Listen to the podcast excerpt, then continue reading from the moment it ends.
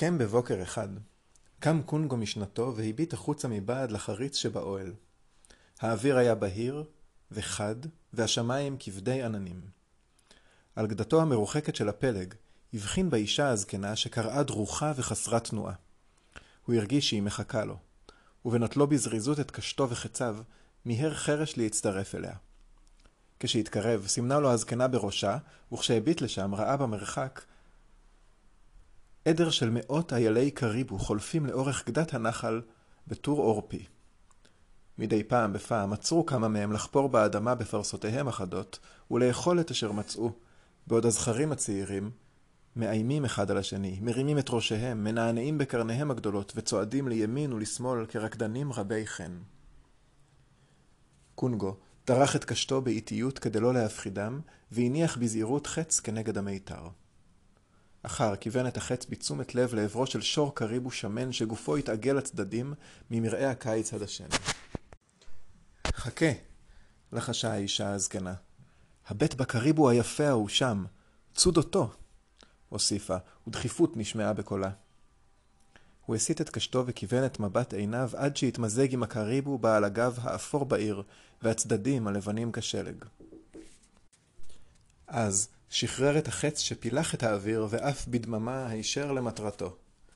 החיה נסוגה לאחור, יצאה מתוך העדר וצנחה על האדמה. כשהרים קונגו שוב את הקשת, קראה הזקנה לעומתו, מהר, עכשיו את זה עם הגב השזוף והבטן הלבנה. הוא איתר במבטו את החיה, ואז הוביל את החץ מעינו הישר עד שננעץ בליבה. האישה הזקנה בחרה בשלוש חיות נוספות, ואת שלושתן הוא הרג למענה. אבל אז נעשה העדר חסר שקט, והחיות החלו חשות בסכנה למרות שלא, לראות, שלא יכלו לראותה, לעריכה או לשומעה. מיד לאחר מכן חצו הקריבו את הנהר הרדוד, ונסו על פני המישור הפתוח. הם שעטו ונישאו משם כרוח שערה, כשצבעם מתמזג באופן כה מושלם עם צבע הערבה הסתווית, כך שתוך דקות ספורות הם נעלמו מן העין. כשהתקרבו קונגו והאישה הזקנה למקום שבו היו איילי הקריבו המתים מוטלים, נמלטה מפיה שאגת שמחה למראה הפרוות היפות. קונגו עזר לה לחתוך ולפשוט במיומנות את אורותיהן הרכים של החיות. טליק ג'ואק יביא את הכלבים, יעמיס את הבשר ויובילו לאוהל, אמרה האישה הזקנה. ומיד לאחר מכן גלגלה את האורות יקרי הערך, קשרה אותם במהודק ביחד והניפה אותם על גבה. בדמיונה יכלה כבר לראות את המרות, המתיחה, הייבוש, חיתוך הדוגמאות והתפירה של האורות החדשים.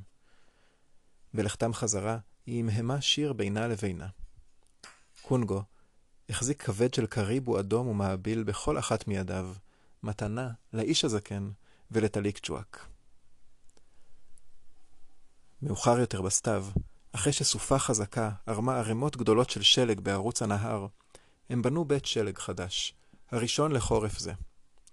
הם גם פירקו את מוטות האוהל וחיברו אותם מחדש כדי לבנות שוב את המזחלת שלהם. האנשים והכלבים כאחד חשו שמחה והתרגשות לנוכח החורף החדש, עם הקור החודר והמעורר שלו. המרחבים הפתוחים של היבשת והים הקפוא שוב נפרסו לפניהם, והם יכלו לנדוד על גביהם בחופשיות לאן שרק חפצו. כשהגיע חודש אמצע החורף, הם החליטו לעזוב את שטחי הציד של פנים היבשת ולחזור לטוג'ק, האי שלהם. לפני שעזבו, הם שברו את קירותיו של בית השלג, כדי ששום רוח רעה לא תוכל להשתכן שם, לארוב ואף להזיק לאיזה נודד דמים. אחר, בחוזרם להיות נוודים אמיתיים, רתמו את כלביהם והפליגו על פני המרחבים הלבנים, כעלים הנישאים על ידי רוח סתיו. קור מוות שרר כשהגיעו שוב אל חוף הים הקפוא. רוח עזה הצליפה לכיוון פנים היבשת, כה מקפיאה שעצמותיהם שקשקו מרוב קור. השכם השכם בבוקר יום אחד, ביר... בירח השני של החורף, כשהקרח החל להתגבש ולהתעבות, והחשיכה הייתה שחורה כדיו, הם עלו על גשר הקרח והחלו לחצות אותו. אולם לא חלף זמן רב, וסערה עזה פרצה, והרוח היללה בפראות. גשר הקרח גנח ונאנח כשוט מזחלת עצום, אבל החזיק מעמד, ובצהרי היום השני הם הצליחו להגיע לחוף המבטחים שבדרום האי. הם היו מותשים מהחצייה הקשה, וכשטיפסו במעלה התלול, עזרו קונגו וטליקג'ואק לאיש הזקן לעלות. היות הוא כבר בקושי יכול היה ללכת אחרי המסע הארוך והקר. כשהגיעו אל בית האבן הקטן, שבה האישה הזקנה והדליקה בו את המנורה שלה, ועד מהרה הפיצה זו אור חם ונעים שמילא את החדר. כמה נפלא לנדוד הרחק ולראות כיצד כל יום חדש מפציע במקום לא מוכר, אמרה. משום שללא המסע, לא היינו מכירים את השמחה של השיבה הביתה.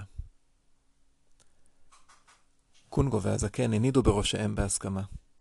להפתעתו גילה קונגו שזו הפעם הראשונה שאף הוא חושב על האי הזה, טוג'ק, כעל ביתו. למרות שהחלומות הכאובים על ביתו הראשון ועל משפחתו האבודה, עדיין הטרידו את שנתו וגרמו לפניו לבעור בזעם מדי פעם בפעם.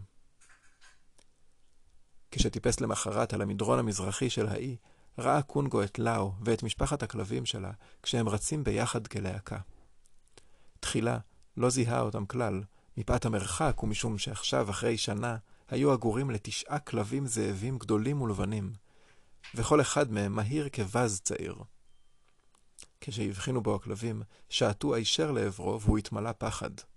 אך ברגע האחרון הוא זיהה את לאו, וכשזו הגיעה אליו, היא קיפצה מסביבו וליקקה את כפות ידיו בשמחה. שניים מגוריה אומנם חשפו שיניים ונהמו כנגדו, אבל לאו החזיר עליהם נהמה משלה והם צייתו לה מיד, למרות שכבר היו גדולים וחזקים כמעט כמוה. כשחלפה ההתרגשות הראשונה מפגישתם המחודשת, הביט קונגו בתשומת לב בכלבים למחצה וזאבים למחצה הללו, שראה לאחרונה כשעדיין היו גורים. כולם היו עתה בעלי פרווה עבת צחורה לגמרי, ראשיהם היו מוארכים ועיניהם חברות ומפחידות כשל זאבים. רגליהם היו ארוכות משל אמם לאו, וכפות רגליהם היו רחבות יותר, מותאמות בשלמות לריצה על שלג רך. למרות שאיש לא האכיל אותם בשנה שחלפה, הם נראו חזקים ובריאים, מכיוון שלאו לימדה אותם לצוד לעצמם. קונגו ידע שבמשך הקיץ, כשהציד על האי היה דליל, היא אף לימדה אותם לעמוד שקועים עד לבטנם במי הים, ולשלוט לעצמם דגים קטנים מהמים. אחד מהם לקד את תשומת ליבו במיוחד. הוא היה רזה, יפה תואר ויותר זאבי במראהו מהאחרים. עיניו המוזרות היו נוקבות יותר, והוא רבץ כמו נסיך לצידה של לאו. קונגו קרא אמהוק, שפירושו זאב, ולשמחתו, החיה נענתה לשם, קפצה ומיהרה לבוא למקום בו עמד. אתה תהיה המנהיג, אמר לו קונגו, אבל לא נגע בו, כי בעומדו כך לידו בדממה, הוא חש בעוצמה הגואה ובפראות שהייתה גלומה בספק כלב, ספק זאב הזה.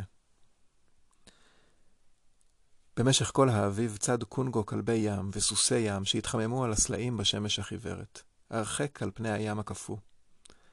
תוך כדי הציד הוא אימן בקפדנות את כלבי הזאבים לפעול ביחד כלהקה ולציית לכל פקודה שלו, עד שהם למדו לנוע ביחד במהירות ובשקט.